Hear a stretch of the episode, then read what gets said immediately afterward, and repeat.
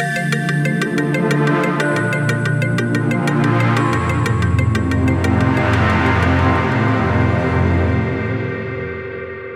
Przy mikrofonie Hanna Rydlewska słuchacie siódmego odcinka podcastu Wok Polska Living. Nowe, drugie wydanie magazynu właśnie trafiło do kiosków. Motywem przewodnim tego numeru stało się rzemiosło. Trochę spontanicznie, bo nie był to wcale odgórnie narzucony temat, po prostu okazało się, że w pracy osób, które zaprosiliśmy do współtworzenia tego wydania, to właśnie rzemiosło odgrywa kluczową rolę. A wśród wielu tekstów poświęconych temu zjawisku znalazł się mój obszerny raport o pracy twórców skupionych w Stowarzyszeniu NUF Nowe Rzemiosło. Jego współzałożycielka, ceramiczka, rzemieślniczka, która wykonuje naczynia dekoracyjne, ale również obiekty inspirowane architekturą, a także współzałożycielka pracowni August Design Studio, Olga Milczyńska jest dzisiaj naszym gościem. Cześć, dzień dobry. Cześć, dzień dobry Państwu. To zacznijmy od podstaw, czyli od tego rzemiosła. Opowiedz proszę trochę o tym, czym jest NUF, czyli stowarzyszenie, które powstało w 2019 roku. E, tak, stowarzyszenie powstało w 2019, tak oficjalnie. My spotkaliśmy się pierwszy raz w 2018 bodajże e, i zaczęliśmy rozmowę o tym, jaką formę prawną przybrać, jak, jakby co zrobić, jak się stowarzyszyć, zrzeszyć, e, zebrać do kupy. I oficjalnie w 2019 dostaliśmy numer KRS-u, także od e, trzech lat jesteśmy e, oficjalnie stowarzyszeniem. I jest takim e, zbiorem rzemieślników z całej Polski, którzy wykonują pracę w różnych materiałach. Dbamy o to, żeby te prace były wysokiej jakości. E, dbamy o to, żeby te prace były autorskie, w sensie e, jakby takich rzemieślników e, gromadzimy, zapraszamy, zbieramy. Co ciekawe, każdy z um, twórców zrzeszonych w Nowiu inaczej interpretuje hasło rzemiosło, bo e, poprosiłam ciebie, żebyś rozesłała taką małą ankietę pomiędzy członkami stowarzyszenia. Mm, no i niektórzy mówili, że dla nich rzemiosło to jest e, jakieś takie pojęcie na pograniczu sztuki i designu. E, inni wskazywali na to, że to praca rąk, ludzkich rąk jest dla nich kluczowa. Jeszcze inni mówili o tym, że dla nich jest to remedium na taką masową produkcję i że w rzemiośle chodzi o unikatowe przedmioty, które powstają w krótkich, małych seriach. Tak, to, to wszystko jest prawda. Myślę, że rzemiosło wiele w sobie może zgromadzić, bo tak naprawdę nie mamy jednego dobrego, jednej dobrej definicji rzemiosła. E, nie, nie ma w polskim słowniku takiej definicji, w polskim użytkowaniu takiej definicji, która by całe zjawisko rzemiosła opisała bo rzemieślnikiem jest i fryzjer, i cukiernik, e, i artysta. Niektórzy pisarze mówią o sobie, że są rzemieślnikami też. I bardzo można różnie to interpretować. My cały czas, jak się spotykamy, o tym rozmawiamy, co w tym momencie jest rzemiosłem, jak my teraz definiujemy rzemiosło, bo to się zmienia też, to, to co chwila się, y, myślę, aktualizuje. Na pewno wspólnym mianownikiem jest to, że e, rzemieślnikom w Polsce nie jest łatwo. I ci, którzy zaczynają własną działalność na e, rzemieślniczym polu, muszą się mierzyć z wieloma przeszkodami, nie tylko artystycznymi, ale takimi bardzo e, praktycznymi i technicznymi, bo bardzo wiele pracowni skupia się zarówno na artystycznej części swojej działalności, jak i na tym, żeby promować swoje wytwory na takich prozaicznych kwestiach, jak księgowość i, i prowadzenie w Excelu e, wszystkich wyliczeń, więc ciężko jest e, bez wsparcia państwa działać dzisiaj rzemieślnikom w Polsce. Myślę, że tak, że to jest, e, że, że jest bardzo ciężko i faktycznie jesteśmy i zaopatrzeniowcami, i zajmujemy się promocją i czasami zdjęcia sami robimy i opisy, aranżację targów, e, wysyłka. No jakby oprócz tej e, pracy twórczej jest tych zadań bardzo dużo i, i dla mnie zawsze to jest um, ciekawe, jak ktoś mówi, ty masz taką relaks, relaksującą pracę, to przecież siedzisz i lepisz. I to, to nigdy tak nie jest, że ja, oczywiście jest tak, że ja siedzę i lepiej, ale to siedzenie i lepienie jest jedną może piątą, jedną czwartą całej pracy, którą my wykonujemy. E, też takiej pracy, żeby być widocznym, żeby być, żeby sprzedawać rzeczy, żeby właśnie istnieć. Prześledziłam e, wasze pesele trochę i wyszło mi na to, że większość z was urodziła się w latach 80., e, więc można powiedzieć, że to jest trochę takie pokoleniowe przedsięwzięcie. E, myślę, że trochę tak. E, mm. Tutaj ty, o, Olgo, jesteś rocznik 8-2, z tego co pamiętam. E, tak, myślę, że trochę tak, ale to też wynika z, wiesz, z historii Polski, jakby z historii rzemiosła w Polsce, z tego jak jak żeśmy użytkowali rzemiosło, jak byliśmy rzemieślnikami w naszym kraju. E, I jakby do lat 90. bardzo dużo ludzie wytwarzali w rękach sami e, i jakby pracowali rękami. I byli rzemieślnikami w takim znaczeniu też nieprofesjonalnym, bo zawsze jakby wiele ludzi coś tam kleciło sobie po prostu.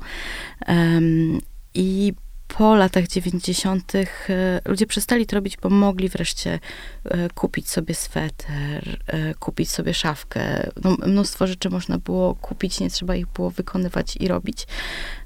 I jak te szkoły rzemiosła też przestały funkcjonować powoli. Zamykały się małe zakłady. Niektóre profesje tak. wydawało się, że w ogóle znikną z powierzchni. Y, ta, tak, no niektóre zniknęły. Y, też jest tak, że niektóre, niektórych zawodów już nie ma. Y, no ale jednak ta praca jest wartościowa. No, my do tego w, w nie to, że wróciliśmy, tylko jakby odkryliśmy to sami. No właśnie, no bo jeżeli jesteśmy rocznikami lat 80., mówię jesteśmy, bo ja urodziłam się rok po tobie, e, no to nasze dzieciństwo, nasze dorastanie przypadało właśnie na ten czas, kiedy nastąpiło zachłyśnięcie się kulturą e, zachodu, produkcją masową. Tak. I trochę z przekory, może na zasadzie takiego odbicia, to właśnie wy dziś próbujecie przywrócić te tradycje, które często sięgają e, czasów przedwojennych. Są takie rzemiosła, które jakby próbujemy na nowo, które, których, e, jak kowalstwo, które przed wojną wspaniale funkcjonowało, i, i metaloplastyka, która przed wojną była pięknie e, użyt, jakby rozbudowana i, i, wspaniale eksponowana też, e, czy mozaika. Tutaj Studio Tafla na przykład, tak, które jest w Nowiu z, zrzeszone i e, przepiękne mozaiki, które bardziej są już takimi dziełami sztuki, można je sobie powiesić na ścianie jako obraz. Można. Studio Tafla też wykonuje e, realizację do domu e, i robi na zamówienia różne e, mniejsze lub większe mozaiki i one mają właśnie, jakby wracają do tych tradycji modernistycznych jak najbardziej.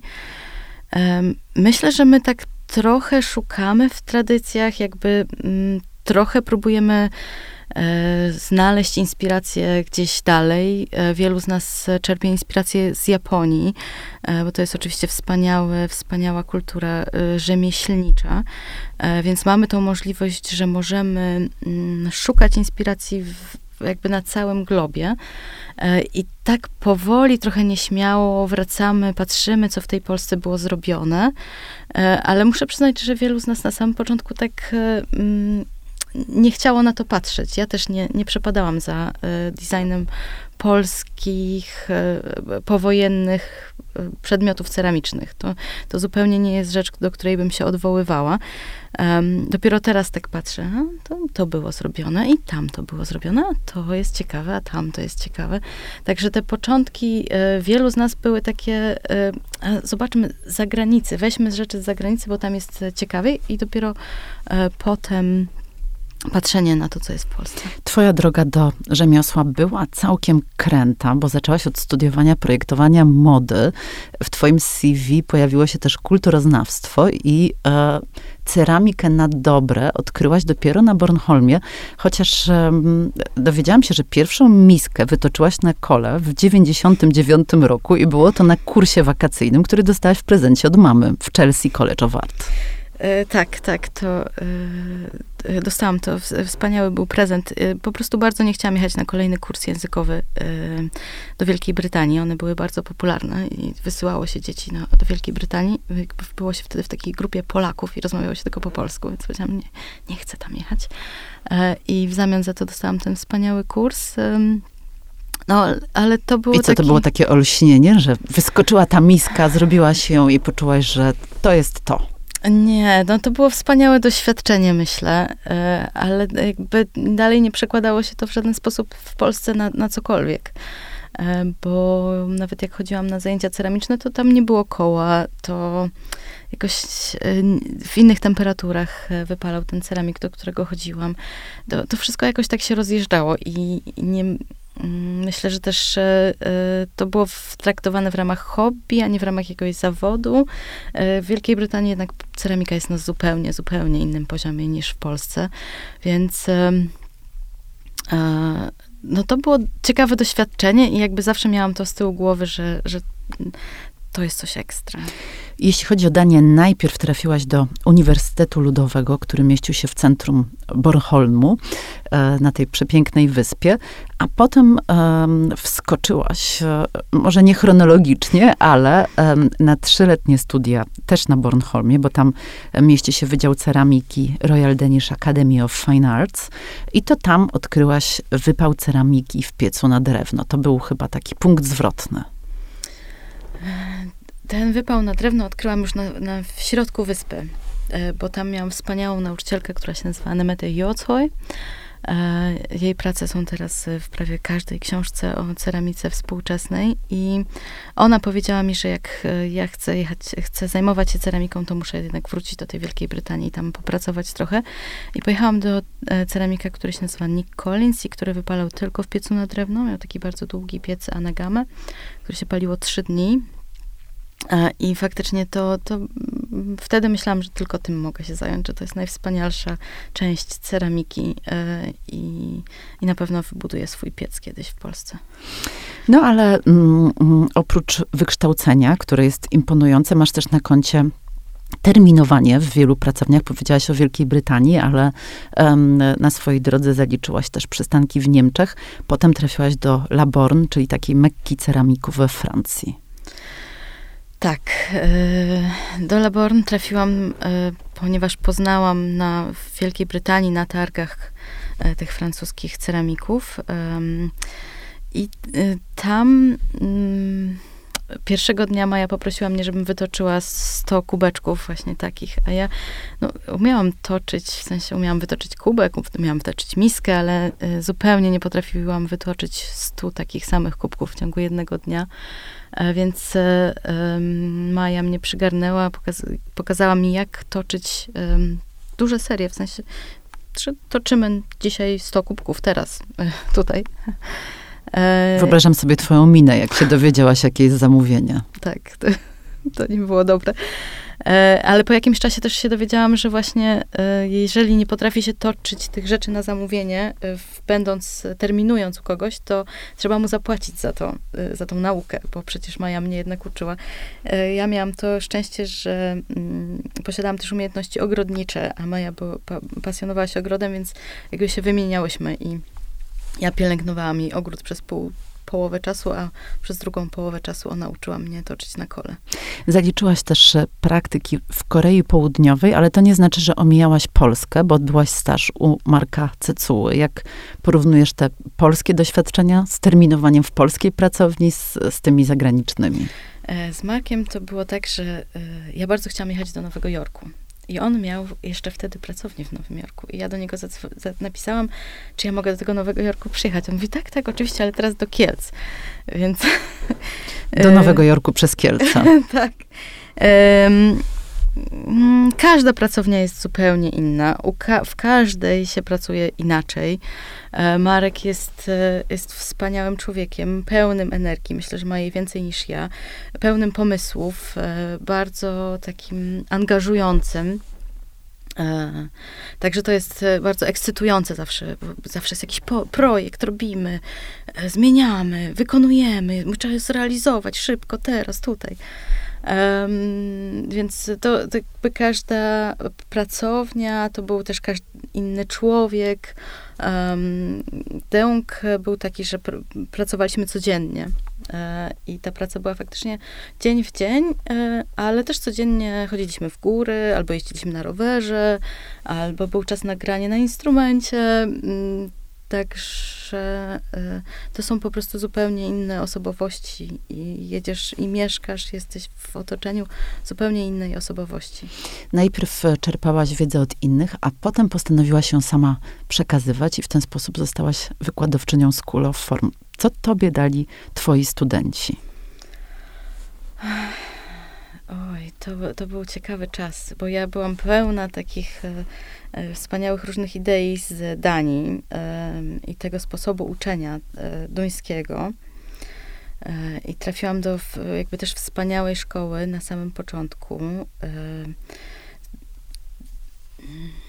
co oni mi dali? To jest ciężkie pytanie, wiesz? Bo na Lubię pewno... ciężkie pytania. W takich się specjalizuję. Na pewno jakby, bo uczyłam 7 lat, więc to stawanie się nauczycielem, e, to dzięki jakby nim, tak? Bo to cały czas jakby ja próbowałam, żeby tak w, to był dialog między nami. E, więc e, no na pewno też ważną odsłoną twojej pracy jako wykładowczyni był projekt związany z ośrodkiem garncarskim w Medyni Głogowskiej. Myślę, że o tym warto powiedzieć. E, tak, to jest, to jest ciekawy projekt, to jest trudny projekt. E, to jest projekt z 2015 roku. E, gdzie w zasadzie on trwał, były tam dwie edycje. Najpierw pojechałam z sześcioma studentkami i z doktor Ewą Klekot, która jest e, wspaniałą e, wykładowczynią. Może powiedz jeszcze trochę, czym jest Medynia Głogowska, bo rzeczywiście dla historii e, garncarstwa w Polsce to ważny punkt. Tak, Medynia Głogowska jest takim ośrodkiem, który ma swój początek mniej więcej w, pod koniec XIX wieku. Jest taki e, dosyć, e, zaczyna się tam tworzyć naczynia. E, to jest I, Podkarpacia. Tak, to jest Podkarpacie. Um, I w trzech wsiach okolicznych coraz więcej jest garncarzy i więcej i więcej. I to trwa do lat mniej więcej 90. W, w, tuż po wojnie wkracza tam dosyć mocno cepelia y, i garncarze robią na zamówienia y, cepeli naczynia. E, jakby w latach 70. ten ośrodek przeżywa taki renesans i tam pracuje w okolicy około 120 garncarzy. E, także bardzo wielu. W, przy wielu domach są piece. E, wielu, wiele osób wykonuje garnki, że tak powiem. I jak tylko cepelia przestaje zamawiać, to wszystko się zapada i zostaje mm, pięciu garncarzy, myślę którzy tworzą rzeczy. Teraz chyba z tych pięciu, których ja poznałam wtedy, zostało dwóch, bo to już są sędziwi panowie, także to też odchodzi. No ale parę lat temu wybrałaś się tam z grupą wykładowców i swoich studentów e, ze School of Form mieliście zrobić razem projekt i w kilku wywiadach mówiłaś wprost, że napotkałaś opór materii, że ci, którzy teraz tam działają, czy działali w tamtym czasie, nie byli aż tak chętni do współpracy. E, nie, nie byli aż tak chętni do współpracy, no bo oni pracują z gliną, oni znają tą glinę, y, kopią ją sami, y, są mężczyznami y, i wiedzą, jak to zrobić po prostu. I nagle przychodzi taka dziewczyna właściwie i mówi, że inaczej można to zrobić, albo że może by spróbowali jednak inaczej, albo żeby tego spróbowali, albo tamtego.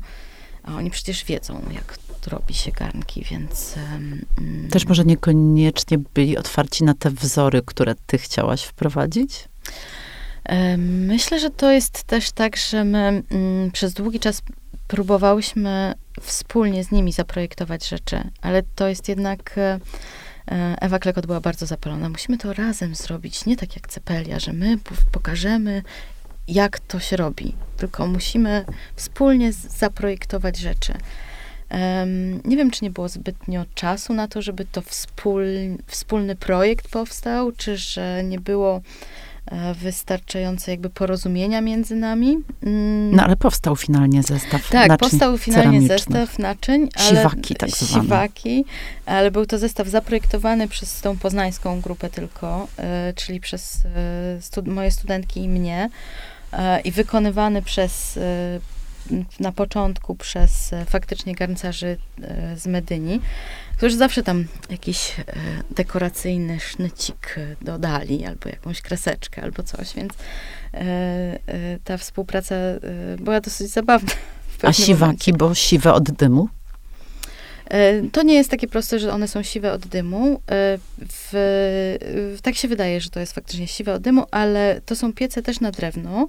E, I w tych piecach na drewno, w momencie, kiedy zamykamy dopływ, dopływ tlenu, czyli faktycznie robi się bardzo dużo dymu, ale oprócz tego powstaje taka reakcja zamiany tlenku żelaza czarnego, czerwonego na czarny. W związku z czym mm, jakby garnki z czerwonych robią się czarne.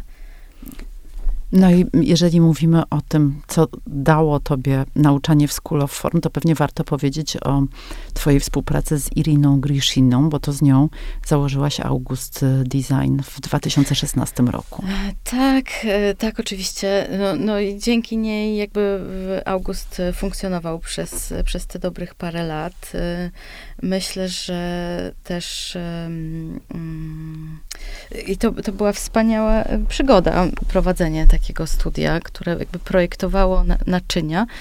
E, teraz e, August jest od trzech lat e, na wakacjach.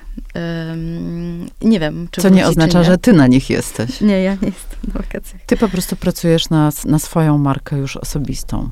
Tak, ja od trzech lat pracuję w pod swoim nazwiskiem. Przy tym też od trzech lat mam córkę, więc ta praca nad, pod, nad nad swoim nazwiskiem to jest taka praca na pół etatu, e, z czego część pracuje w Nowiu, więc... E, e, Żonglujesz swoim czasem, którego nie masz zbyt wiele. Tak, dokładnie tak robię. Podoba mi się to, że podkreślasz, że jesteś częścią historii ceramicznej i że to w jakimś sensie jest odpowiedzialność, którą chcesz udźwignąć. Nie chcesz zaśmiecać świata brzydkimi przedmiotami.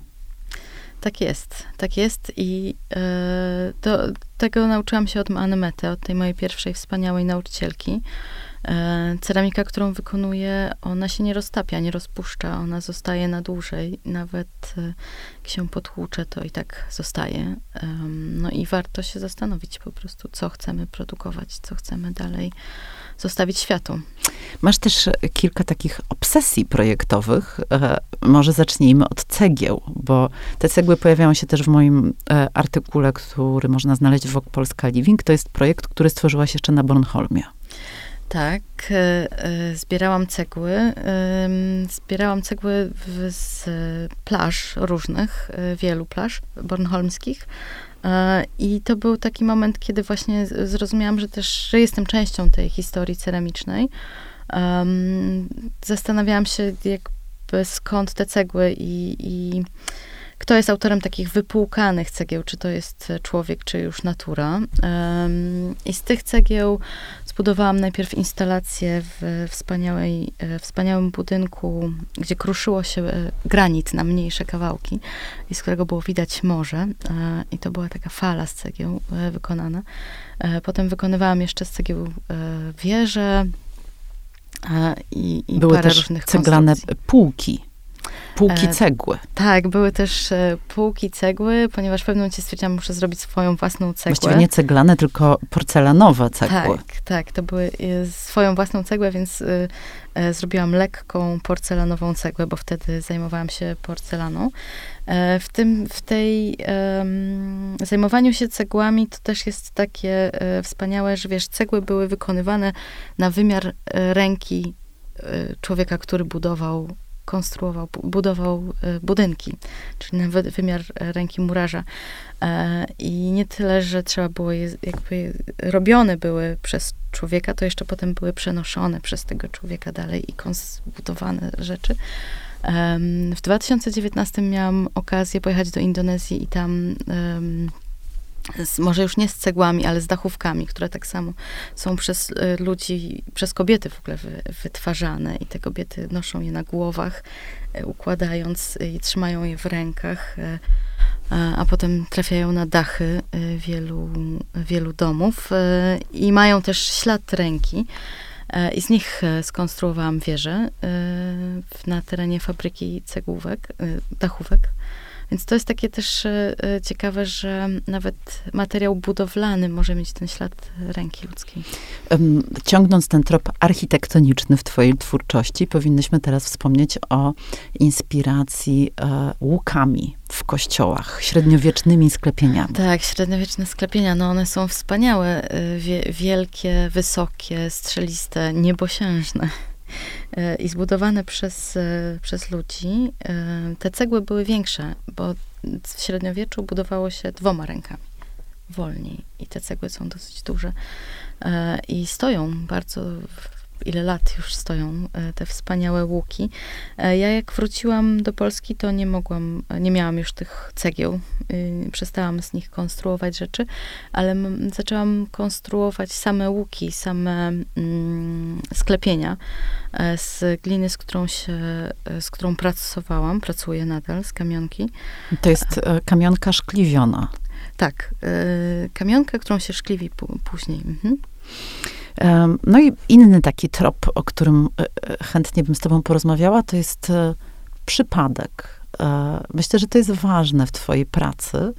Pytanie, czy to jest przypadek, czy, czy coś innego, ale że w jakimś sensie lubisz eksperymentować i sama sprawdzać, w jakim kierunku pójdzie twoja praca, że trochę e, planujesz, są te inspiracje, ale czasem też oddajesz się żywiołowi wypalenia na przykład. Nie wiesz, jaki będzie finał.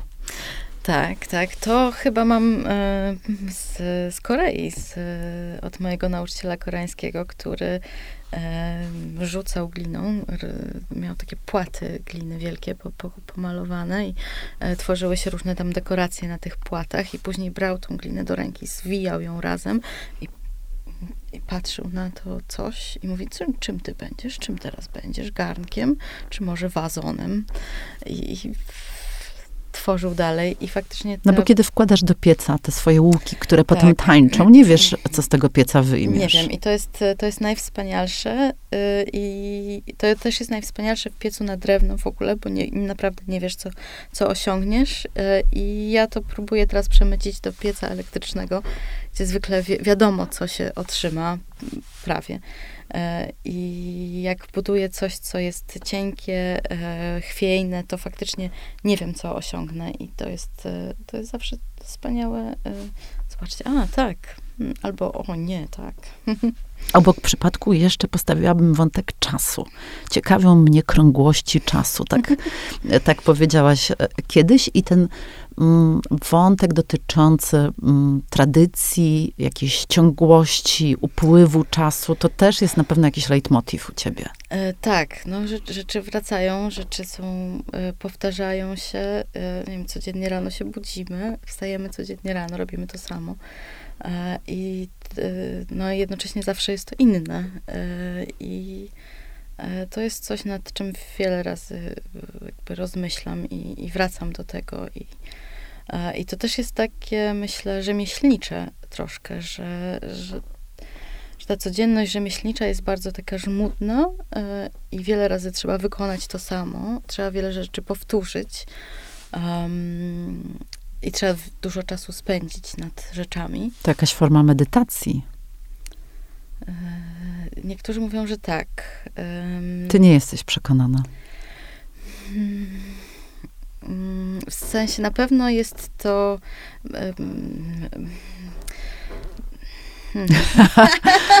Dużo chrząkania Dużo to chrząkania. odpowiedź. Y, y, nie, myślę, że medytacja jest rzeczą jednak taką, gdzie nic nie robisz i, i rzeczy przepływają, a tutaj jednak musisz się skupić na pewnych czynnościach. Hmm. No ale y, na pewno jest tak, że produkujesz przedmioty, które cię unieśmiertelniają.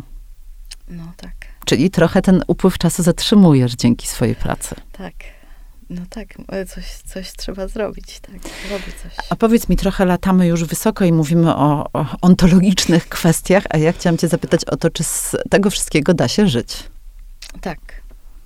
Y, czy utrzymujesz się tylko i wyłącznie ze swojej pracy ceramicznej? Mm, tak, od jakiegoś czasu e, tak jest. Długo tak nie było i miewałam bardzo różne prace. Też uczyłam w szkole, E, więc e, e, przez długi czas mm, tak nie było, ale teraz od jakiegoś momentu tak jest. jest A co powinno się w Polsce wydarzyć, żeby wam, rzemieślnikom, było łatwiej? Oj, to jest bardzo wiele, bardzo wiele rzeczy mogłoby się wydarzyć, bo mo, i państwo mogłoby nas wesprzeć. To jest jedna, jedna rzecz, bo jednak jesteśmy traktowani jako przedsiębiorcy, czyli na wiele rzeczy płacimy e, podatek e, VAT 23, a nie artyści 8%.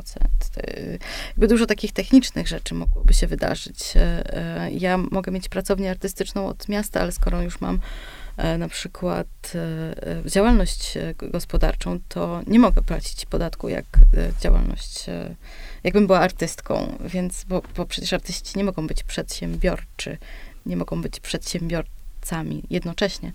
E, więc e, tu są e, ciągle takie konflikty, to na pewno, ale też bardzo dużo takich um, myślę, edukacji społecznej, że ta praca, którą my wykonujemy, to naprawdę jest, jest wymaga dużo czasu, wymaga dużo poświęcenia, wymaga dużo znajomości materiału. Um, i właściwie po to też powstał nów troszkę, żeby to wszystko uświadamiać e, i żeby edukować. Mam nadzieję, że nasi słuchacze sięgną po mm, drugi nowy numer Wok Polska Living. W nim mój tekst o Nowiu i o, o twórcach, którzy są z, zrzeszeni w tym stowarzyszeniu. E, no i zachęcam też do tego, żeby śledzić działalność wystawienniczą zarówno Olgi, jak i e, innych twórców, bo bierzecie przecież udział w wystawach, sami je też organizujecie. E, I myślę, że ten 2023 rok Oj, będzie się działo. Będzie się działo, właśnie. Będzie obfitować w takie wydarzenia. Bardzo Ci dziękuję za opowieść e, o swojej rzemieślniczo-artystycznej pracy. Bardzo dziękuję. A Państwa odsyłam do nowego wydania Wok Polska Living.